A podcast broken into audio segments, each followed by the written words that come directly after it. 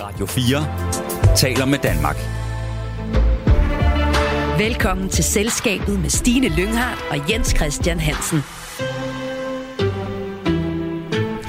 Jens Christian, du har jo fulgt erhvervslivet tæt som journalist og erhvervskommentator i årtier, så du har altså oplevet lidt af hvert gennem årene. Lige for tiden vælter det jo frem med historier om energibranchen. Vi hører om enorme millionbonusser uden loft, om milliardoverskud i selskaberne, og senest også om anholdelser af medarbejdere, der mistænkes for at have manipuleret med elprisen, og om karteldannelse. Hvor opsigtsvækkende er de nyheder? Altså, jeg må sige, det er meget opsigtsvækkende. Altså, man skal huske, at her har man en branche, der er henligget i mørke, i hvert fald udadtil i offentligheden. Der er ikke nogen, der har givet sig interessere sig for energi og el. Altså, hvor, hvor kedeligt kan det lige være? Og pengene har åbenbart flyttet frit.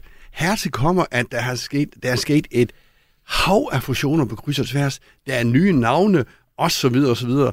Øh, så folk orker ikke at følge med. Jeg tror heller ikke politikere følger med. Nu har vi jo en uh, ekspert i studiet i dag, som du kan præsentere lidt senere, uh, som jo ved alt, både fra Christiansborg og ende fra uh, de der elselskaber. Men det teaser, er på høje tid, at der kommer fokus på de selskaber. Der er enorme milliardbeløb uh, på spil.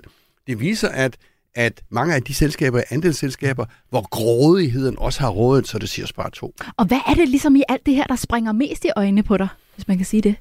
Ja, men det er vel, øh, hvad skal man sige, de dårlige ledelsesforhold. Hvis man skal sige det meget enkelt, så tror jeg, det er de dårlige ledelsesforhold. Og, uh, er det, det kan... fordi, de ikke har vidst nok, eller hvad er det, der er dårlige Nej, ledelse? men altså, jeg tror bare sådan, at det, er, det har været sådan nogle, uh, hvad skal man sige, små, uh, små uh, huse, der har siddet der og, og leget for sig selv, uh, hvor direktionerne har styret meget, og de, uh, hvad skal man sige, de, de, øh, de, øh, de ledende organer som repræsentantskab og bestyrelse ikke har vidst, hvad de har haft med at gøre. Men også her har vi jo en ekspert i studiet, Stine. Så jeg glæder mig sådan rigtig meget til uh, vores program i dag. Jamen altså, nu er vi da snart nødt til at præsentere ja. de gæster. Vi skal tale mere om øh, energibranchen og hvordan der kan rettes op og ryddes op her i dagens udgave af Erhvervsmagasinet Selskabet, hvor vi også zoomer ind på de rigeste danskere. Der er nemlig kommet en ny opgørelse, som viser, at den rigeste ene procent af danskerne, de sidder på en fjerdedel af den samlede formue. Vi skal høre, hvad vores erhvervspanel siger til det, og lad os få afsløret, hvem de er. Det består i dag af Frederik Antone Schmidt. Hej Frederikke. Hej. Du er stifter og direktør i Rockamore, som laver sko, og ved siden af dig har vi Pelle Dragsted. Hej Pelle. Hej. Du er folketingsmedlem for Enhedslisten. Velkommen til Selskabet. Du lytter til Selskabet på Radio 4. Og først skal det handle om den øh, mest velhavende ene procent af danskerne. Der er nemlig kommet en ny analyse fra Arbejderbevægelsens Erhvervsråd, som viser, at den rigeste ene procent sidder på en fjerdedel af den samlede formue i Danmark. Jens Christian, hvem er det egentlig, vi finder blandt den her ene procent? Jamen altså, det er jo sådan undskyld, øh, privatformuer, typisk familieformuer, koncentreret om meget få mennesker. Og det er jo dem, vi kender. Øh, det er jo Lego-familien, det er Holk Poulsen bestseller, det er Lars Larsens Jysk, øh, det er Ekofamilien, det er Nils Peter Louis Hansen, altså Koloplast, Øhm, og det er øh, en hel række inden for ejendomssektoren, for eksempel øh, sådan en som Michael Goldsmith. Det er private øh, formuer, som øh, bare er sted og sted. Så det er altså ikke fondsformuer. Det er ikke Novo Nordisk Fonden, vi snakker om her det er private formuer, som, øh, som er stedet øh, helt vildt. Så det er altså de her familieejede virksomheder ja, primært? og vi har, ja. mange, vi har mange milliardærer. Vi har vel 200-300 milliardærer i Danmark, tror jeg. Det var alligevel en chat. Frederikke, hvad mener du om, at der er 1% af danskerne, som sidder på en fjerdedel af den samlede formue i Danmark? Det synes jeg lyder helt vildt. Jeg synes, det er helt vildt svært at forholde sig til. Hvorfor det? Jeg sad og prøvede sådan derhjemme og filosofere over, okay, hvad siger man til det? Det ved jeg virkelig ikke, hvad man siger til. Jeg kan ikke forholde mig til, at der er nogen, der har så mange penge. Men er det noget, der farver dig, eller du tænker, det er fedt for dem, eller hvad gør du der af tanker?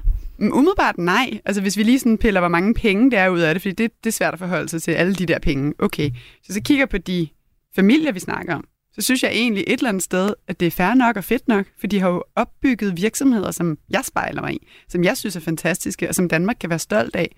Så det skal de have lov til. Og det er jo fantastisk for os og for vores land, og for mig som lille bitte iværksætter, jeg kan se, at man også kan nå så langt. Så, så nej, selvfølgelig er det... Øh, nej, så er det dybt splittet. Altså, jeg synes, de er mega fede, men der er også virkelig mange penge. Så de har tjent penge som, øh, som fortjent, men synes du, øh, skulle de dele lidt mere ud af dem til resten af samfundet? Åh, oh, men så kommer vi ind i sådan en svær diskussion. Altså, noget jeg kan forholde mig til i den diskussion, det er arveafgiften. Det der med, at når man har en virksomhed, hvis man overdrager den til nogen, så skal man betale arveafgift. Det er lettere for mig at tale om, for det kan jeg sådan tage at føle på. Det vil være noget, der vil være relevant for mig i fremtiden måske. Og der synes jeg, det er utroligt tavligt. Jeg synes, det er tavligt, at man betaler skat af øh, sit overskud, man betaler skat af sin virksomhed, man betaler skat, hvis man hiver øh, profit ud, og, øh, og man skal også betale skat, hvis man sælger den. Hvorfor skal man så også betale skat, hvis man overdrager den? Så sådan helt lavpraktisk er der nogle ting, hvor jeg ikke er enig i det. Og så, så du, anden, det mener du slet ikke, der skal være en arveafgift? Jeg synes i hvert fald, den er for høj. Lige nu synes jeg, den er for høj. Jeg synes, det øh, jeg, jeg kan se, at det er mere fordelagtigt for nogle virksomheder at flytte ud af Danmark, flytte deres virksomhed ud af Danmark, fordi det simpelthen er for dyrt at overdrage den til næste generation. Det synes jeg er ærgerligt. Øhm. Og hvis jeg lige skal sige, at arveafgiften den ligger i dag på 15 procent, men SVM-regeringen de taler faktisk om at sætte ned til 10. Ja, så det er jo sådan noget, jeg vil synes var spændende at snakke om. Men, men sådan det store billede, det synes jeg bare er utrolig svært at forholde sig til, fordi der er så virkelig mange penge. Mm. Hvad mener du, Pelle? Er du enig i, at øh, der ikke skal være nogen arveafgift? Det tænker jeg ikke, du er. Mm, nej, men det kan vi lige vende tilbage til. Mm, hvis, vi skal, heller ikke ingen. hvis vi skal starte på det, sådan, på det mere principielle niveau. Jeg kan godt forstå dit synspunkt om, at der er nogle mennesker, der har gjort det godt, og, og, og ligesom er blevet belønnet for det.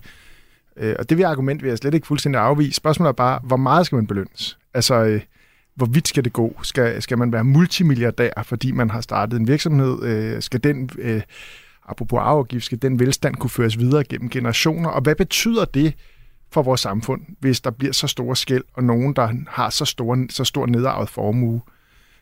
Når jeg er Men kritisk... de har jo også skabt succeser. Pelle, de ja, har jo skabt arbejdspladser absolut. i Danmark, de har skabt en værdi, de har skabt vækst. Men det, det synes jeg slet ikke står til diskussion, og vi har brug for iværksættere, der skaber øh, nye virksomheder.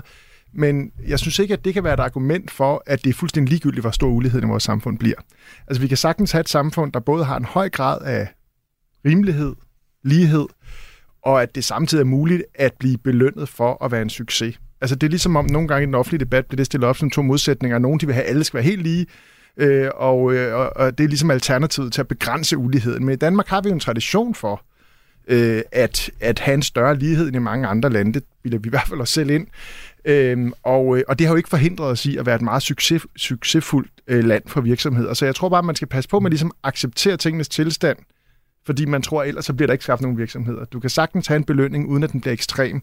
Og, og, og sådan, det grundlæggende principielle udgangspunkt for mig her, det er, de er dygtige, de her mennesker, men der er ingen, der skaber velstand alene.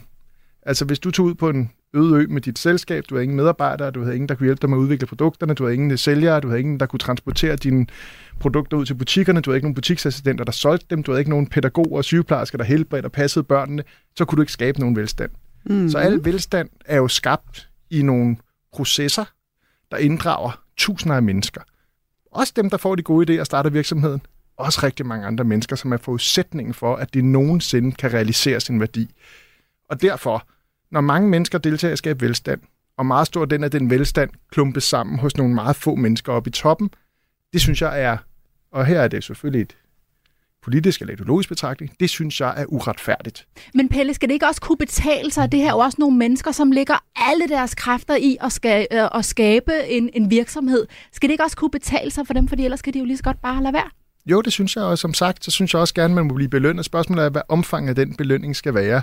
Og så synes jeg, vi skal huske, at der er også andre, der gør sig umage. Altså, jeg er sikker på, at mange af de medarbejdere, som du har, gør sig også rigtig umage. Jo, jo, øh, men og... prøv at høre, man kan, altså en ting er, at vi kigger på, hvorfor er der nogen, der har rigtig mange penge, og det er ikke, fordi jeg er uenig i, at det er utrolig mange penge til meget få mennesker, men jeg synes, vi skal respektere den vej derhen. Men man kunne også bare kigge nedefra, altså i stedet for at prøve at trække folk ned og sige, at de skal ikke have så mange penge, kunne vi så ikke prøve at løfte folk op og sige, der er dem, der har det dårligt, der er dem, der er i fattigdom, der er dem, der har alle mulige problemer. Hvordan hjælper vi dem bedst muligt? Vi har jo utrolig mange midler til at arbejde med, også nedefra og op. Det synes jeg helt sikkert, man skal, men, men, men tingene her hænger jo sammen. Altså, det er jo sådan, at hvis for eksempel det, vi har set for eksempel de seneste årtier, det er det, man kalder profitkvoten er vokset, altså det vil sige, den, den del af den samlede velstand i samfundet, der giver til, går til profit, er vokset, mens lønkvoten er faldet.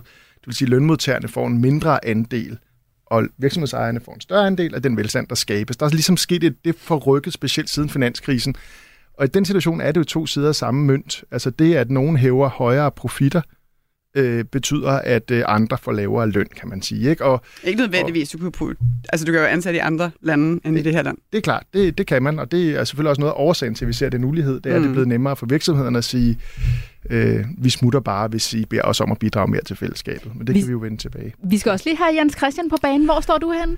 Jamen altså, jeg synes, vi kredser om det her balance. Uh, I har været lidt ind på det, altså, fordi jeg er jo fuldstændig enig i, at, øh, at rige uh, mennesker også er typisk er meget risikovillige. Uh, og derfor sætter noget i gang og kan skabe noget uh, i det her samfund. Dem har vi i høj grad brug for.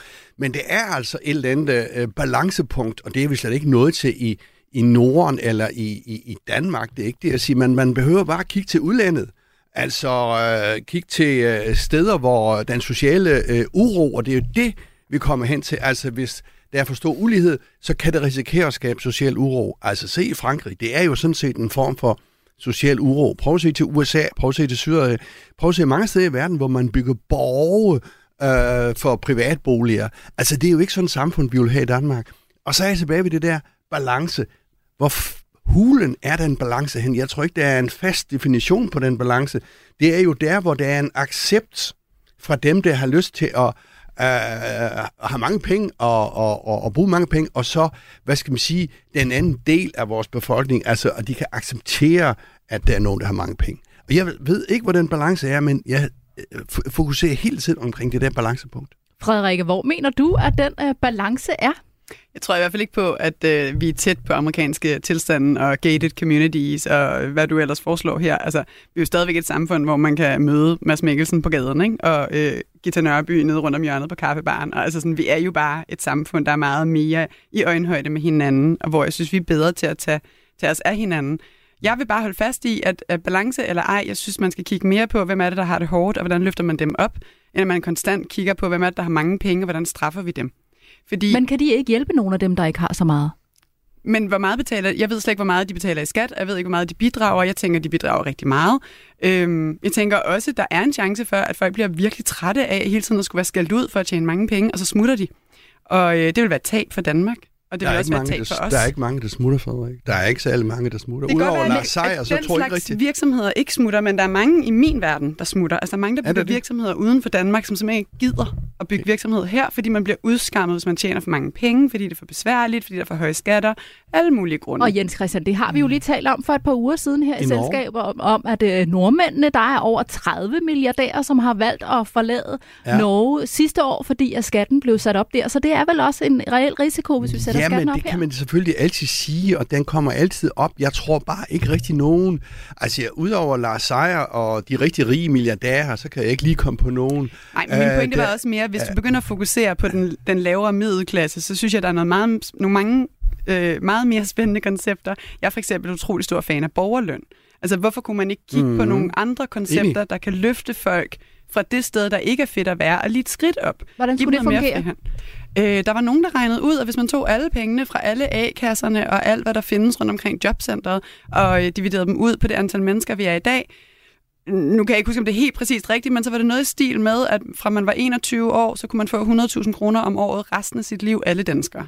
Og så hvis man mistede sit job, så var du on your own. Øh, igen, det er et siden, jeg har læst den der analyse, så det kan være, at tallene ikke er helt korrekte, men derhen af, det synes jeg, der er spændende. Det er da vildt spændende. Tænk at have den frihed. Så har man 100.000 kroner om året til bare lige at sige, hey, tag lige et halvt år, hvad skal finde ud af, hvad jeg skal? Jeg er ikke presset af arbejde, jeg er ikke presset af økonomi, eller jeg mister mit arbejde, det er okay. Der er jo absurd mange mennesker, der går ned med stress i jobcentret. Altså efter, at jeg mister deres arbejde, fordi det er så stressende at være en del af det system. Super spændende perspektiver der, og specielt nu, når vi også snakker om kunstig intelligens og hæve nogle helt øh, nye arbejdsformer. Men det er så et andet emne, det ved jeg Ja, ikke. yeah, sorry. Pelle, er der ikke en risiko for, at de rigeste vælger at flytte væk fra Danmark og tage deres skattekroner med, hvis vi sætter skatten for højt op herhjemme? Altså et, øh, i forhold til det der med, at mange flytter ud, for det er besværligt at drive virksomhed i Danmark. Danmark er faktisk et af de lande, ifølge sådan alle undersøgelser, hvor det er allernemmest at starte at drive virksomhed. Altså vi ligger øverst på øh, Forbes liste hver eneste år. Vi ligger øver meget højt på den der Doing Business fra Verdensbanken. Så, og jeg synes heller ikke, jeg kan genkalde en billede af, billede af at, at erhvervslivet bliver udskammet. Altså når jeg læser aviserne, så er det da ikke andet end mikrofonholderinterviews fra, fra, fra, for, for, for rigtig mange øh, Så fik journalisterne Øh, lige det. så Så fik vi lige en over nakken der, ja. mange. Ah, der er også undtagelser, men det er bare for at sige, jeg synes, det bliver sådan lidt piv-piv nogle gange, og det er det klart, Når man har meget mm-hmm. magt, og det er der jo nogen, der har, så bliver man selvfølgelig også nogle gange udsat for noget kritik, ligesom der er nogle energibosser gør lige nu. Kan vi vende tilbage til senere. men, men, øh, men, men man bliver vel også men, træt af, at, at hvis man altid er den, som ligesom skal aflevere mere end alle andre men, skal. Men hvis vi kigger på, hvordan skattesystemet har udviklet sig over de sidste 30 år, så er det det modsat så er dem i toppen af samfundet sluppet billigere og billigere relativt i skat. Altså, øh, man har sat uh, topskatten massivt ned, mellemskatten er afskaffet, formueskatten er fjernet, øh, arveskatten har været sat ned, nu er den så lidt op igen, nu skal den måske sættes ned igen. Hvad mener du om den, Pelle? Må vi ikke lige høre, fordi det er øh, Arbejderbevægelsens Erhvervsråd, som jo ja. så bag den her øh, opgørelse, ja. også ude og kritisere, ja. fordi de mener, at det vil være en skattegave til de rigeste det og øge, øge, øge øh, uligheden yderligere. Jamen, det, jeg synes, det er noget meget mærkeligt noget. Altså, at folk, der arver en virksomhed, skal betale mindre skat end dig eller mig, som arver et sommerhus, eller hvad det nu er. Men det er jo kun af værdien af virksomheden. Det ved jeg godt, men det er jo en værdi, man kan realisere. Men den værdi, ligesom alt andet dagen ja, efter. Men når, øh, men når du realiserer den, betaler du skat igen. Jo, men det, det er, jo, anden, selvfølgelig skal man betale avanceskat, men det skal jeg jo også, hvis jeg øh, sælger øh, aktier eller andet, jeg har arvet af mine forældre. Så i den forstand, så, så synes jeg, at det er, øh, altså det du sagde før, som jeg hørte, det er at sige, man har allerede betalt en avanceskat, eller man har betalt skatløben. Det er jo rigtigt, men det er jo dig, som har betalt dem. Når man arver, så er det jo arvingerne, der betaler skat. Og sådan er det jo også. Altså, vi betaler også moms med de penge, vi har betalt skat af. Altså, når penge skifter hænder, mm. så har vi nogle systemer, der beskatter. Og jeg synes faktisk, at arveskatten også egentlig ud fra et liberalt synspunkt er en ret vigtig skat i den forstand, at den er med til at stille os mindre lige, eller mere lige fra start. Altså, hvis man synes du, det skulle være endnu højere? Ja, det synes jeg. Øh, men jeg til gengæld forstår jeg godt udfordringen i forhold til virksomhedsoverdragelser, fordi problemet er jo, at du skal, altså når du skal overdrage en virksomhed... Det er kun der, jeg snakker om afskat. Ja, det er i forbindelse med virksomhedsoverdragelse. Når, når du skal overdrage en virksomhed, så er problemet jo, at du ikke har penge i hånden. Det vil mm. sige, at du skal ofte ud og sælge ud af nogle aktier for at for, faktisk kunne betale du mangler skat. likviditet. Du mangler mm. likviditet. Og, og, og, og det, der er nogle muligheder i det eksisterende system, for at man mm. kan betale skatten over flere år, men man kunne også tænke i andre muligheder. Altså kunne man forestille sig, nu går jeg måske lidt øh, langt i forhold til, hvad jeg selv nogle gange tænker, men kunne man forestille sig, at man kunne betale en del af den her skat i aktier? Altså i en emission af aktier. Så staten tager pant i din virksomhed? Ja, så staten Eller bliver øh, medejer lige frem. Og, og blev en passiv medejer i store virksomheder for eksempel, og fik, dermed fik resten af befolkningen andel Fordi det gik så godt for alle de der flyselskaber? Det går jo fint i Ørsted for eksempel, hvor staten har 51 procent og mange andre steder. Men det er bare for at sige, at det kunne være en måde, og så kunne man jo nedbringe den ejerandel, hvis man ønskede det som ejer. Hvis man gerne ville have staten ud igen, så kunne man betale det ud af sit overskud over de følgende år. Skal vi ikke lige prøve at høre, hvad Jens Christian siger til den idé? at løse likviditetsproblemet på. Mm, jo, men altså, det er jo det der likviditetsproblem. Altså, hvis du pludselig skal trække et eller andet stort beløb ud af den samme drift, så skal du enten sende priserne op for at få de penge. Så det er jo øh, et spørgsmål. En anden mulighed kunne jo også være, at du blev beskattet, og så den skat ligesom henstået til et senere tidspunkt. Der er jo mange forslag. Mm. Uh, den der med at få staten ind som ejer, den tror jeg, den vil gibe i mange uh, mange folk. Men i øvrigt, når jeg snakker både med liberale og borgerlige, så er de jo enige i, at det her med, at fordi man arver en masse penge, så skal man ligesom være skattefri, den er de jo heller ikke for. Altså liberale og borgerlige. Så det har jo stort indpas, at der er en, en hvad skal man sige, altså fordi man som barn bliver begunstiget af en stor formue, det er jo ikke sådan med til at skabe noget. Vel? Altså, så, øh, så derfor er det mange, der er, er, er for. Kan det argumentere for, at man skal betale mere, eller hvad mener du med ja, det? Ja, ja, ja. ja, ja, ja. Vismændene det, det der, meget... Altså ligesom jo, man som privatborger jo også skal, kan du sige, ikke? Mm. Vismændene er jo kritiske over for den her særrabat på virksomhedsarvinger, det er jo, men det er ud fra sådan et meget økonomisk øh, forvridningsperspektiv, hvor man siger, at familieejet virksomhed er faktisk ikke bedre drevet end aktieselskaber og andre virksomheder. Så derfor kan man ikke se, hvorfor man skal begunstige det, at man lader sin virksomhed gå i arv. Jeg ved ikke, for hvor mig er det, man har den information fra. Fordi at de virksomheder, jeg samme. kender, der er blevet ja. opkøbt af store øh, fonde, det er dem, der typisk går mest og oftest galt. Ja, det er, det er økonomisk forskning, som er ligesom vist det. Men det er heller ikke, altså for mig, altså, at det er sådan set heller ikke det vigtige. Jeg synes, det er dejligt at familieejede virksomheder i Danmark. Jeg tror, de spiller en særlig rolle. Jeg, kan også, mm. jeg synes også, det er rigtig fint med de fondsejede virksomheder.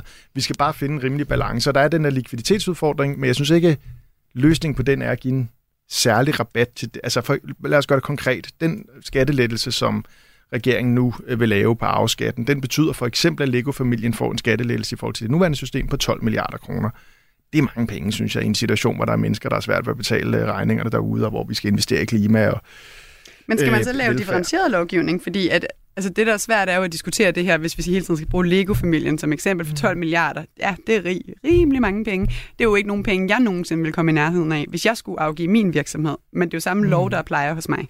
Altså for min skyld kunne man sagtens øh, se på, om man kunne lave en, en mere progressiv beskatning, hvor at, at hvis der var tale om mindre virksomhed, så blev overdraget, så beskattede man lavere. Det synes jeg, vil jeg være helt åben over for. Der er interesse i at bygge min virksomhed større igennem generationer, så den kunne komme op og nå et niveau, som er Lego-familiens for eksempel. Altså, men det kan jeg jo ikke nå i en generation.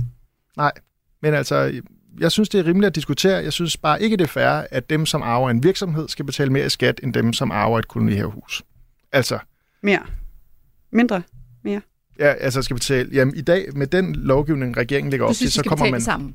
Ikke? Ja, Ja. Øh, som, som udgangspunkt, ja, det samme. Og, Ja. ja. så synes jeg gerne, at vi måtte have en mere progressiv arveskat, så når man arvede rigtig meget, så betalte man også noget mere i skat end de 15 procent. Lad os uh, runde af over hos dig, Jens Christian. Nu sagde du selv, at du havde svært ved at svare på det her med, hvad balancen var. Mm. Hvor øh, lander du i forhold til, hvad du synes, der er balancen på, at, at der ikke er for stor ulighed, men vi, vi vil også gerne holde på de her mennesker, som skaber virksomheden? Ja, men det er igen den der accept fra...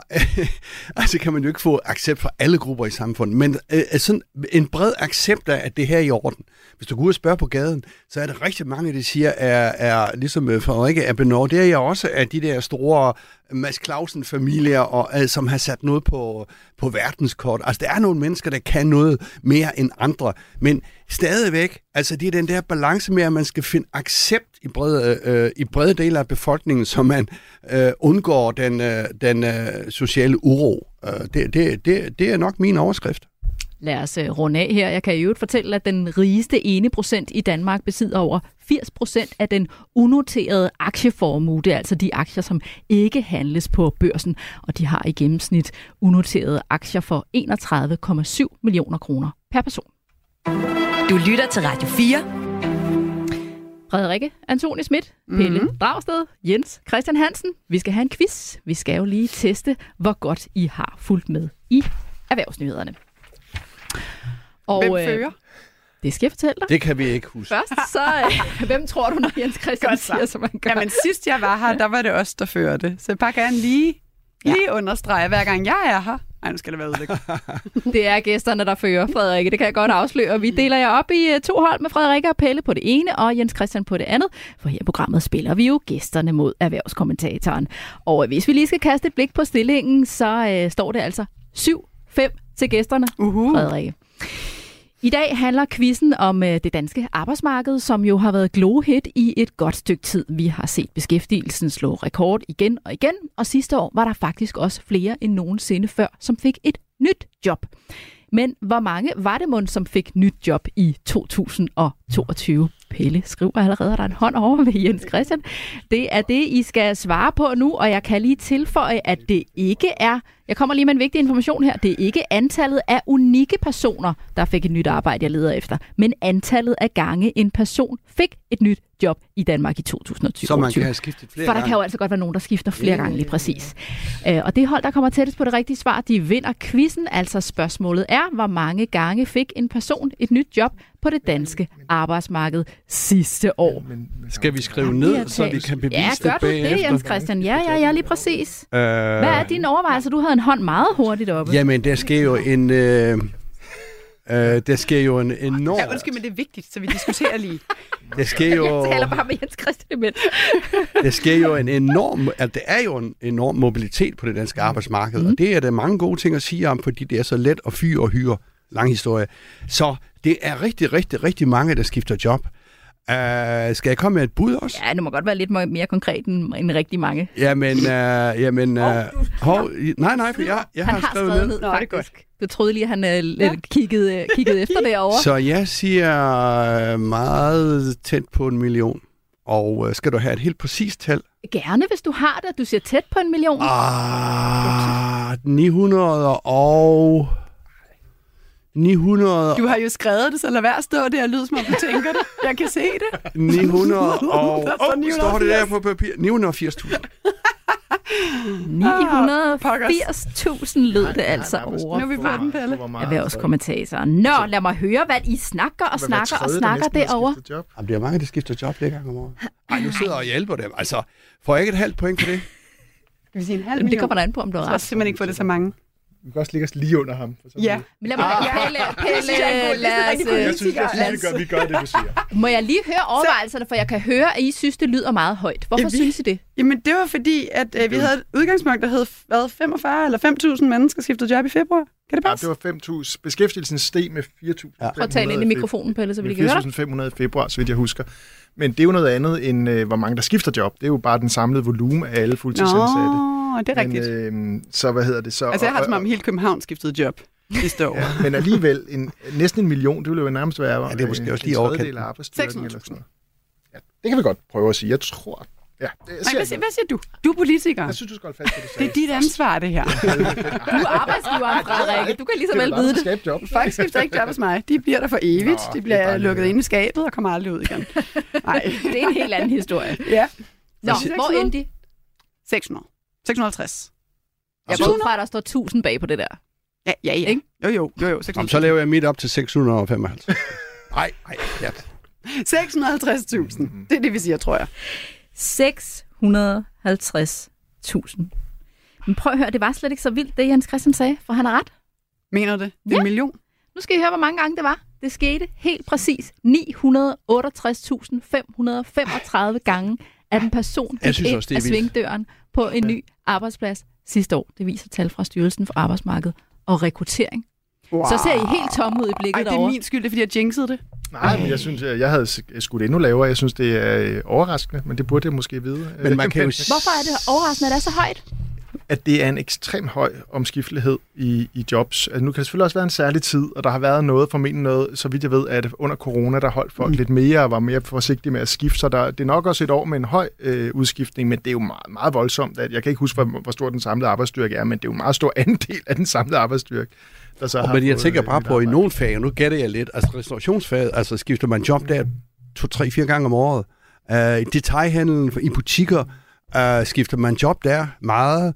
Uh, I min egen branche, uh, journalistverden, uh, ser man også folk skifter job. Uh, så, så, så, Hvorfor egentlig så meget? Hvorfor gør vi det, danskerne? Jamen altså, det ved jeg ikke. Du Har har, ikke også- et glowhit uh, arbejdsmarked, du ja. kan få gode tilbud, uh, bedre arbejdsbetingelser, Og så har der været en del konkurser, som jo også tvinger folk til at skifte job. Og det har været en del konkurser og store fyringsrunder på hvad, Danish Præcis. Crown, eller hvor det er øh, Ja. rundt omkring. Øh, så, så, men jeg synes også selv, øh, det er meget, når man tænker på, at vi har en beskæftigelse på lige knap 3 millioner, ikke? Mm. Mm. Det, er jo, øh, det, er jo, det er jo en af de de- dele af den berømte flexicurity-model. Altså ja. danskere er bare bedre til at skifte job, og det er godt for økonomien, for det betyder, at der er større chance for det, man kalder et, et jobmatch. Det vil sige, Mhm at man er i det job, hvor man skaber mest værdi. I de lande, hvor det er farligere at blive arbejdsløs, øh, der holder folk mere på, på jobbet. Øh, der er også nogle lande, hvor arbejdsgiverne har svært ved at opsige. Øh, hvad hedder det? Det betyder også, at det er svært at komme ind i nye job, fordi arbejdsgiverne er tilbageholdende med at, med at ansætte. Og Det er jo det, man ligesom kalder vores berømmede flexicurity-model, og det er jo den, nogen begynder at sige, hvis nu man reducerer, altså hvis dagpengene bliver ved med at miste værdi i forhold til lønnen, hvis alt det her, hvis det bliver mere utrygt at blive arbejdsløs, så tror man faktisk den her meget store succes. Så det er jo en af diskussionerne i forhold til, ja, for eksempel dagpenge og sådan noget. Hvor høje skal de være? Hvor længe skal man kunne få dem? Borgerløn. Borgerløn kommer Ja, med. Borgerløn, men, det skulle men, nok være på et lidt højere niveau, hvis jeg skulle øh, hoppe med ombord i den men idé. Frederikke, jeg hørte ikke, at du som sådan mærker så meget til, at der er, øh, at der er mange, der skifter job, i hvert fald øh, hos dig selv. Øh, nej, altså nej, det synes jeg ikke, men, øh, men der er en tendens til, at, øh, at folk har sådan et behov for at udleve drømme. Altså der er sådan lidt efter corona, vi kom igennem, vi øh, løste en masse problemer, nu er vi landet et sted, hvor alting ikke er farligt mere, og så er der mange, der gerne vil ud og rejse i nogle måneder, eller skal prøve noget nyt, eller vil flytte til Australien og sådan. Det kan vi godt mærke. Altså det, det er der både på heltid og deltid, og folk, der siger op, fordi nu skal de rejse verden rundt. Mm. Øhm, så, så den findes. Den kan Så- jeg godt se lidt findes også hos dem, jeg sammenligner mig med, dem jeg kender. De siger det samme. Så der er ikke så meget jobskifte, der er mere sådan opting out. Og man forfølger sine drømme. Ja. Det var da egentlig meget rart. Var Jens det så- Christian, du ser meget tilfreds ud. Var det så to point, fordi at, øh, de var så langt fra... Øh, nej, nej. Du kan få et eneste point, er du noteret for. Så øh, blev det til gengæld lidt mere tæt. Stillingen er nu 7-6 til gæsterne. Radio 4 taler med Danmark. Du lytter til Selskabet med Stine Lynghardt og Jens Christian Hansen. Og det er jo altså her i programmet, vi stiller skarp på ugens store erhvervsnyheder sammen med vores gæster, som selv kommer fra erhvervslivet eller følger det tæt. Dagens erhvervspanel består i dag af Frederik Antoni Schmidt, som er stifter og direktør i Rockamore, der laver sko. Pelle Dragsted, der er folketingsmedlem for Enhedslisten. Og så sidder selskabets faste erhvervskommentator Jens Christian Hansen også i vores panel. Nu vender vi blikket mod en branche, som vi ikke er vant til at høre specielt meget om, som Jens Christian også sagde i starten, men jeg skal da lige love for, at den har fået kolossal opmærksomhed den seneste tid. Det er energibranchen. For mens almindelige danskere er begyndt at vaske tøj om natten, og virksomheder har kæmpet med at betale regningerne, så har energiselskaberne tjent styrtende med penge. Vi har både hørt historier om medarbejdere, der har optjent 60 millionbonusser, selskaber, der melder om milliardoverskud, og derudover ser flere andre sager nu dagens lys. Senest er det kommet frem, at 49 elselskaber er under mistanke for at drive kartel, fordi de angiveligt er gået sammen om at sætte kunstigt høje priser, så de kunne få flere penge for den strøm, de solgte til elnettet. Og otte medarbejdere i et energihandelsselskab er blevet anholdt og sigtet for at manipulere med elprisen, så de kunne opnå et stort, men uberettiget overskud. Skeletterne vælter altså ud af skabet lige nu. Kan du ikke lige prøve at rise op, Jens Christian, hvad det er, der, der foregår i energibranchen lige nu? Jamen, jeg tror, altså den der enorme fokus er jo kommet efter, at det har vist sig, at stigende forbrugerpriser ikke hænger sammen med stigende indkøbspriser hos energiselskaberne. Og det gælder jo ikke bare elselskab, det er jo også de store olieselskaber rundt omkring i verden, som har haft de største overskud nogensinde. Og derfor har vi fået øjnene op for, sig mig, hvad er det for nogle mekanismer, der foregår på det der marked? Fordi vi fik jo at vide hen over vinteren, der øh, med Putin og det ene og det andet, at uha, altså øh, priserne på, på, øh, på energimarkedet var stedet så voldsomt, så alle disse energiselskaber måtte også sætte prisen op over for øh, os forbrugere. Og øh, det viser sig så nu, øh, at det hænger ikke helt sådan sammen. De har bare skåret en stor gevinst. Øh, og så er det jo blevet en, et, et mekka, altså pengene har jo flyttet frit, som jeg siger, i den der selskab. Altså jeg vil ikke sige, at det har været til selvbord, det er sådan voldsomt at, øh, at sige, men det er et, et øh, nu må du lige jo, øh, korrigere mig, Pelle, men det er langt hen ad vej et, synes jeg, ureguleret marked, vi har der øh, med elmarkedet, fordi vi ikke rigtig har været interesseret i det. Et ureguleret marked, siger du. Jamen lad os lige sparke den over til dig, Pelle, fordi du er jo faktisk øh, medlem af repræsentantskabet i Andel, som ejer Energi Danmark. Og det var jo her, at der var nogle ledende medarbejdere, der stod til at få nogle gigantiske bonusser på 250 og 300 millioner kroner. Det var erhvervsmediet Finans, der afslørede det.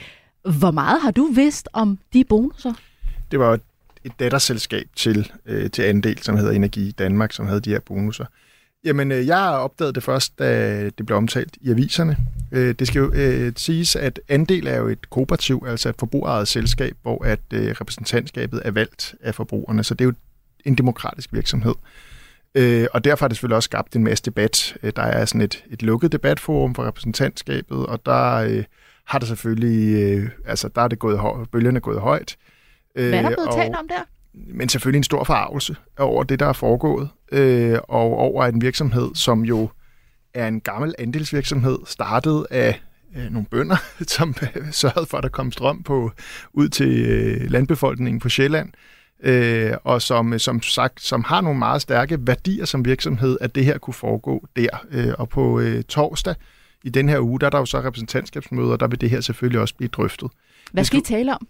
Øh, ja, altså der er jo selvfølgelig noget fortrolighed, men, men øh, ledelsen skal redegøre for, hvad, hvad søren der er foregået, øh, og der ligger også nogle forslag, der ligesom øh, øh, vil gå ind og øh, lægge nogle rammer øh, fremadrettet omkring det her. Men det skal jo siges, synes jeg, øh, at ledelsen har jo sådan set, at der forestår en retssag, men ledelsen i koncernens påstand er jo, at de her kontrakter er indgået af en direktør, som øvrigt også lød sig selv omfatte af dem, øh, ude i Energi Danmark, øh, uden øh, bestyrelsens viden og, som ikke, og koncernens og, viden. Og som ikke er det mere. Og, og, ja, ja, og som er blevet afskedet allerede i april. Øh, og som, hvad hedder det, og som i øvrigt er i strid med den øh, lønpolitik, man har i virksomheden, som er, at man ikke har, øh, hvad hedder det, resultatorienterede bonusser. Øh, det bestrider de her medarbejdere og direktørerne. Det vil jo så, vil der så formentlig blive en retssag, der, der afgør, men det er selvfølgelig noget, som i en demokratisk virksomhed øh, vækker, vækker debat, fordi det, det strider med det, som jeg tror mange forstår, at vi er en virksomhed, som man siger om andelsselskaber, øh, at øh, de øh, tjener penge for at eksistere, øh, men eksisterer ikke for at tjene penge. Altså det ligesom har været ideen i andelsselskaberne altid. Men erhvervet jo Andel Danmark, det er jo en af de her øh, det er jo et nyt marked, der er kommet med de her elhandlere. Det er jo opstået de sidste 10-20 år, og det har levet sit liv primært i Aarhus. Og så er man gået ind to andelsselskaber, Energi, som er et østjysk kooperativ eller andelsselskab, og, og så Andel, som er sjællandsk, øh, og købt Energi Danmark for nogle år siden. Og der var det og, og jævnfør det, der bliver sagt, har man haft nok kontrol og sådan noget, det er jo den diskussion, der er. Men der var det jo en lille bitte del af, af den her store koncern. Øh, det var jo ikke der, de mange penge blev lavet, men lige pludselig så sker der så 21 og 22, så det her, lige pludselig så bliver der tjent milliarder. Øh, og det er ligesom bagtæppet for det her. Det politiske, regulatoriske bagtæppe, der er jeg fuldstændig enig i det, du siger, Jens Christian, det er, at øh, øh, man har lavet det her øh, øh, øh, liberaliserede elmarked i Europa, Øh, og det har egentlig ligesom fået lov at passe sig selv rimelig meget, fordi der var ret stabile elpriser, øh, og lige pludselig eksploderer det hele. Og så viser det sig nok, at der slet, slet ikke har været styr på det her. Jeg tror, øh, de der, der er blevet fængslet, og i øvrigt varetægtsfængslet, hvilket var ret voldsomt i økonomisk kriminalitet for, for insiderhandel, jeg er bange for det toppen af isbjerget. Altså fordi, at øh, det europæiske tilsyn med det her, det, er jo, det, er jo, det skal siges, at det er jo ikke en spekulation meget, det der er foregået i Danmark. Det får, det, dem, der er anholdt, så vidt jeg husker, det var i Porto, på det portugisiske elmarked, Øh, øh, nogle af de andre har handlet i Rumænien og Bulgarien, så det er på tværs af Europa, det her. Og man kan jo spørge sig selv, øh, hvor god er tilsynsmyndigheden i Rumænien og Bulgarien for eksempel til at holde øje med, om der bliver begået den her meget øh, uigennemskuelige markedsmanipulation. Så det er et marked, som simpelthen har brug for regulering, og det har de danske virksomheder også. Jens Christian? Ja, det er rigtigt. Altså, øh, vi har faktisk været meget gode i Danmark til... Altså, vi er jo en nation af, af købmænd. Så vi har været meget sådan øh, ekstrem øh, frem i skoene på det der handel med energi på de europæiske markeder. Bare lige for at øh, følge den op med, med Pelle der. Men må ikke lige holde op på, Pelle? Altså, nu siger du, altså, hvad har I talt om? Altså, skal det en stærkere regulering til? Hvad gør I internt i... Du sidder jo også i bestyrelsen i Radius, som jo ikke er et energiselskab, men et elnetselskab. Et, et elnetselskab. Mm. Øh, men det er jo sådan hænger, set fra os forbrugers side hænger det jo sammen. Så hvad vil du gøre? Øh, vil, du, øh, vil du kræve nogle strammere, øh, hvad skal man sige, øh, ting internt i virksomheden, eller mener du, at det er jer politikere, der skal ind, op, øh, ind på banen her? I det her tilfælde har jeg jo faktisk begge hatte på, og det er måske lidt særligt, men, men det er faktisk begge ting. Altså jeg mener, at de virksomheder, som har en demokratisk governance, øh, øh, der skal man gå ind og sørge for, at der er meget bedre styr, for eksempel på sådan noget som bonusordninger. Man skal da også tage stilling til, om man ønsker at være i den her branche, men man kan selvfølgelig spørge sig selv, ellers er det bare andre, der overtager den. Er det så ikke bedre, at, at trods alt, at de tilgår øh, et, en kooperativ virksomhed og en meget, med en meget stor ejerkreds, end at de tilgår kapitalfond, eller hvad det var. Det, det er jo sådan en diskussion, man kan have, ikke? Men, men, hvad hedder det, øh, men politisk mener jeg i hvert fald, at det, der er elhandelsselskaberne, altså for eksempel øh, energi, øh, Danmark. Og altså der, hvor de store millionbonusser uden luft Der, hvor man har siddet og spekuleret i at sælge og købe mm. el og kapacitet på de europæiske markeder, for det er sådan, man gør. Øh, Finans øh, kan jeg virkelig anbefale deres dækning af det. Den har været rigtig god også til at beskrive, hvad det er, der foregår. Finans.dk. Hvad hedder det? Og øhm, der er det nok min holdning, at det, der foregår i de selskaber, det har ret lidt med energi at gøre, og ret meget med fin- finansiel spekulation at gøre. Og derfor tror jeg også, øh, at Hvad mener skal... du med det? Jamen det er fordi, at det her handler om at sidde og spekulere i priser på et aktiv. Altså fuldstændig ligesom når du sidder på fødevarebørser, eller på valutabørser, eller på øh, aktiebørser. Øh, og derfor synes jeg godt, man kan spørge sig selv, er det nu også forsyningstilsynet, som skal have tilsynet, eller er det måske nærmere finanstilsynet, som skal ind over det her med den ekspertise, de har i at tilse finansielle virksomhed, eller virksomheder, hvis hovedaktiviteter er... Jeg synes grundlæggende, det er lidt ligegyldigt, om det er danskere, der bliver pilset, om det er portugises elforbrugere, der bliver pilset her. Uh, bare for at sige det der med, at, at, at det er jo et marked, som, uh, så kan det godt være, at de tjener penge i Portugal eller Bulgarien, eller hvor pokker det nu er hen, men, men, men det er jo samlet set noget med os forbrugers tillid til, at du får de nogenlunde rigtige priser. Hvor står du henne i det her, Frederikke, og alle de her historier, der kommer frem om energibranchen lige nu? Altså, jeg synes jo, det er dybt usympatisk. Og øh, det er meget lettere at forholde sig til her, end det var tidligere, at øh, det der er ikke okay. Og øh, det er utroligt grådigt. Altså i forvejen, det, i forvejen synes jeg, det er svært at forstå. Jeg synes, det her marked er svært at forstå. Jeg synes, øh, diskussionen har været svært at forstå. Det tog mig et stykke tid og, øh, og, og virkelig forstå det her med indekset, at alle, mm. alle øh, jamen basically alt energi vel, følger hinanden. Så du ved, hvis gas går op, så skal alle de andre også gå op, og så videre. Og det er derfor, at alting bliver så højt, men ikke nødvendigvis koster mere. Det tog lang tid, før jeg forstod det. Okay, men så vil det sige, at de har en kæmpe difference, de ikke havde før af penge, som de ikke nødvendigvis har udgifter for. Det er jo ikke fair. Alle de penge burde i min optik blive tilbagebetalt til danskerne, fordi de er bare blevet kunstigt sat op. At man så oven i det prøver at sådan skumme ekstra fløde og finde ud af, om vi kan også lige øh, lege aktiesport her, som jo basically er det, der er blevet gjort, mm. og så løfte det kollektivt endnu højere. Det synes jeg bare er så usympatisk, og så øh, ukollektivt, udemokratisk og nærmest udansk. De skulle skamme sig. jeg, synes, jeg synes, det er en rigtig god beskrivelse, du, øh, du kommer med af det europæiske elmarked. Det er det her med, at det er den dyreste energiform, der sætter prisen, marginalprisen. Og det vil sige, selvom det koster fuldstændig samme med sine vindmøller stående og dreje rundt, eller sit atomkraft stående, eller hvad det nu er, gassen, man henter op fra undergrunden, koster det samme, så kan man sælge den til en langt højere pris. Og det er sådan set jo reguleringen, der gør det. Øh, og derfor er det, øh, og det er jo faktisk også det, EU har besluttet. Vi har bare implementeret det på en utrolig øh, konservativ måde i Danmark, men man har jo faktisk besluttet i EU, at den difference, den skal beskattes rigtig hårdt, og så skal pengene føres tilbage til borgerne. Øh, problemet er så, at da den lovgivning skulle implementeres, eller er ved at blive implementeret i Folketinget af den, i disse as we speak, så har man gjort det på en måde, som i bedste fald fører nogle få milliarder tilbage. Men selve indekset er jo tageligt i den forstand, at hvis jeg vil vælge grøn energi, så koster det mig det samme som at vælge alt det andet energi. Det burde jo være, det burde jo være færre priser, alt efter hvad der koster. Og hvis der så er noget, der er billigere, så har jeg en fordel, eller måske jeg kunne få en skatterabat, hvis jeg valgte noget, der var mm. bedre for landet eller planeten. Jeg synes bare, man skulle differentiere i det. Jeg kan ikke forstå, mm. hvorfor vi skal have et fælles indeks. Argumentet, det er jo EU-reguleret, men argumentet ja. er jo, at, øh, at det så, altså det positive argument for det er jo, at det er blevet, altså har gør det til en rigtig, rigtig god øh, hvad man, forretning mm. og øh, investere i de billigste energiformer, øh, og de er jo lige nu vind og sol. Mm-hmm. Så i den forstand kan man sige, at det, det kan drive en positiv udvikling frem, men, men, det, men derfor i, de, i den periode, hvor der er de her, man, som man fagligt kalder sådan windfall profits, eller overnormal profit, der er det rigtigt at gå ind med en særskat på dem, så de kan komme tilbage i lommen på borgerne. Og det er der sådan set også ret bred enighed om, øh, i hvert fald i EU. Det har bare været ret svært at implementere. Nogle lande har gjort det ret effektivt. Øh, andre lande som Danmark har gjort det meget ineffektivt, desværre. så I mener, at pengene de skal tilbage til, øh, til forbrugerne. Ja. Øh, Jens Christian, øh, elhandel er jo ikke reguleret på samme måde som øh, banker og, og finans. Bør det være det? Ja, det synes jeg, at de eksempler tyder meget på her. Uh, men igen, så vil jeg også sige sådan... Uh, også en til Pelle, altså tilbage til ledelserne, altså de har jo mm. også et ansvar i de selskaber der. Og uh, da jeg Hvad skulle... er det for et ansvar, de har? Fordi de, de skal vel også ja, tjene penge? Ja, ja, ja, men de skal jo øh, øh, lave en ordentlig øh, forretning, hvis de også vil være her i morgen. Altså, øh, rygter om karteldannelser, det er jo, det er jo kriminelt. Mm. Uh, så derfor uh, synes jeg, at ledelserne må hanke op i sig selv. Og jeg kom bare til at tænke på, at da jeg skulle forberede mig til det her uh, program, synes jeg følger med, så skulle jeg lige se, Uh, hvor er det nu Nordlys kommer fra? Hvor er det nu Andel kommer fra? Hvor, øh, hvem var det nu Seas øh, hed? Og så videre, og så videre. Og de har jo fusioneret på kryds og tværs, og det kan jeg synes, er godt nok. Min tanke kunne være, at der sidder en hel masse ledelser, som ikke helt har styr på, hvad det i grunden har fusioneret sammen. Det er, er jo bare sådan en påstand, jeg, jeg, jeg, jeg fyrer af. Øh, men, men, men altså, jeg synes, det er svært at følge med i det der for mediemænd. Hvordan skal der rettes op og ryddes op, Pelle?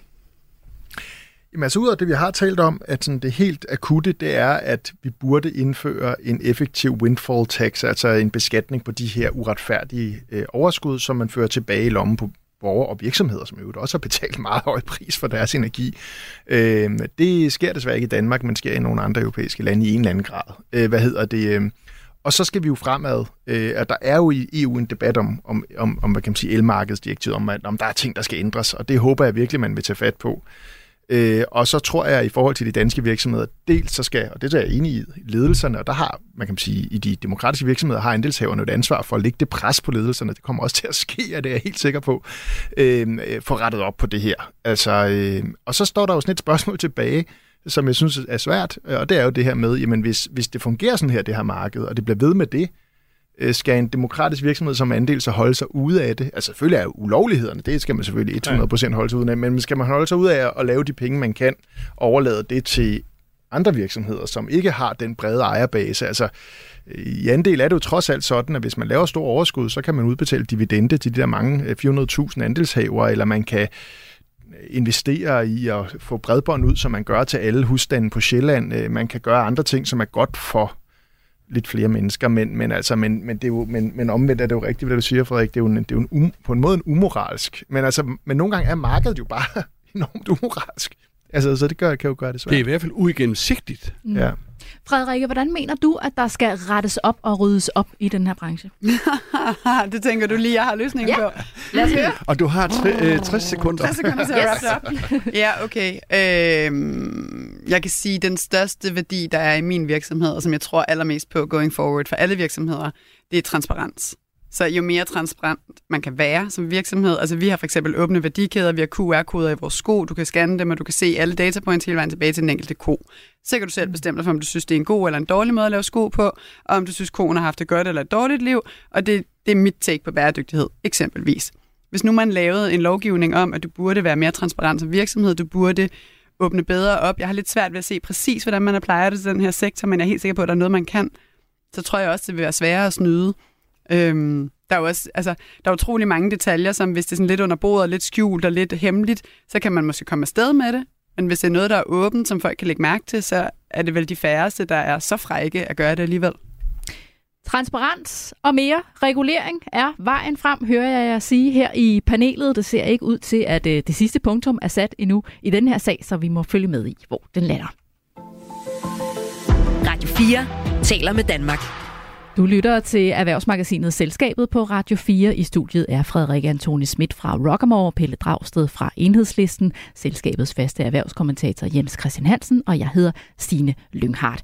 Her til sidst skal vi tage afsked med tre store kanoner i dansk erhvervsliv. Der er nemlig tre fremtrædende topchefer, som har valgt at forlade deres poster og rykke videre til andre opgaver. Det gælder Sallings topchef Pierre Bank, der nu skal til Kanada, hvor han skal stå i spidsen for Kanadas største dagligvarekoncern. Og så siger Torben Møger Pedersen farvel til posten som administrerende direktør i Pension Danmark og helliger sig i stedet bestyrelsesarbejde, rådgivningsopgaver og familien. Og her i april går Jesper Berg ud af døren til Finanstilsynet for sidste gang. Han stopper som direktør og skal i stedet være mere sammen med sine nærmeste og bruge tid på andre passioner. Selvfølgelig tre meget forskellige poster, de forlader, men øh, hvilken betydning har de hver især haft for de virksomheder, de nu forlader? Jens Christian? Ja, det er rigtigt, som du siger, det er jo, øh, det er jo tre fyrtårne. Uh, lad os tage uh, Per Bank først, som sidder uh, for enden af den private uh, Selling uh, Group, uh, som jo kæmper med Coop. Uh, den anden stor detaljhandelskoncern, og det er bare to vidt forskellige Øh, Øh, jeg ved ikke, om det har noget med ejerskabet at gøre der, men uh, i hvert fald har Per Bank, som jo tidligere har været direktør i Coop, uh, gjort det fremragende set med uh, bundlinjefokus. Uh, uh, så så uh, nu hopper han så videre, som du siger, til et kæmpemæssigt job over i Canada. Så han er nok detaljhandlens uh, nummer et. På samme måde er Torben Møre pensionskassernes uh, nummer et. Han tør øh, bryde nye veje. Han går ind, for eksempel er det jo ham, der har meget hen ad vejen kastet øh, pensionspenge i den øh, hele klimaomstilling øh, mm. bag det der Copenhagen Infrastructure Partner, som en af de største til at sætte vindmøller op øh, i hele verden, er han med i. Uh, nu er han så på vej til at vil investere i forsvaret for at opgradere uh, forsvaret efter Putins uh, krig osv. osv. Altså, noget hen ad vejen ideologisk betinget, øh, øh, øh, hvad skal man sige, investeringer, øh, mens pensionskasser, de skal jo, øh, er jo sat i verden for at få et afkast til, øh, til, øh, til, øh, til medlemmerne. Og så er det sidste Jesper Berg, hvis jeg lige skal slutte med ham. Jamen, han, han er jo set for bordenden i Finanstilsynet siden 2015, tror jeg det er uh, på det tidspunkt, hvor hvidvasksagerne har braget det sted. Finanstilsynet har fået meget kritik, de har været lidt tunge i optrækket, men jeg synes faktisk overordnet, at han har fået skabt et finanstilsyn, som gør, at den danske finansielle øh, sektor, det kan være at blive klogere i morgen, når skandalerne bryder frem, øh, langt hen ad vejen virker solid og, og robust. Det er ikke hans øh, skyld, men man kan sige, sådan en tilsyn, et kontrolenhed, en politibetjent, øh, kan du sige, han har, øh, han har fyldt noget, synes jeg. Frederikke, hvad er dit blik på de her øh, tre profiler, der nu øh, stopper på deres poster? Mm, kender jo ikke nogen af dem, eller jeg har faktisk heller ikke mødt nogen af dem, men øh, jeg kan huske, at jeg engang har hørt øh, Per Bang tale, og han stod bare frem som utrolig karismatisk og meget sådan inspirational, nærmest helt amerikansk niveau, hvor at, at man blev... Øh, Ja, man følte sig motiveret på et nyt niveau. Jeg følte pludselig, at jeg kunne nå andre ting, og der var mere, sådan, der kunne lade sig gøre, efter at have hørt ham tale. Så, så, så du kan godt forstå, at han bliver hentet til Canada? Det kan jeg godt, og jeg tror også, det vil være øh, et tab, eller i hvert fald et skifte i de virksomheder, de har været i, alle tre, fordi de om ikke andet har været det menneske, der satte en retning, som så utrolig mange ansatte har fulgt. Og det skal der altså en helt bestemt type til at kunne. Hvad er det for en type, der skal til? Åh, oh, hvad er det for en type, der skal til? Jamen, det er jo, det er jo ja, en, der er inspirerende, men en, der også øh, formår at motivere folk, altså tage lederskab over sin eget område, men også tage lederskab over andre, og hvordan deres udvikling er, både professionelt og personligt, på en måde, så de bliver dygtigere inden for deres felt, men så de også tager ejerskab og lederskab over dem, der er under dem, så man kan få løftet hele virksomheden i samme retning. Det er ret svært at gøre, når man skal have folk med, og ikke bare være sådan en militant øh, diktator.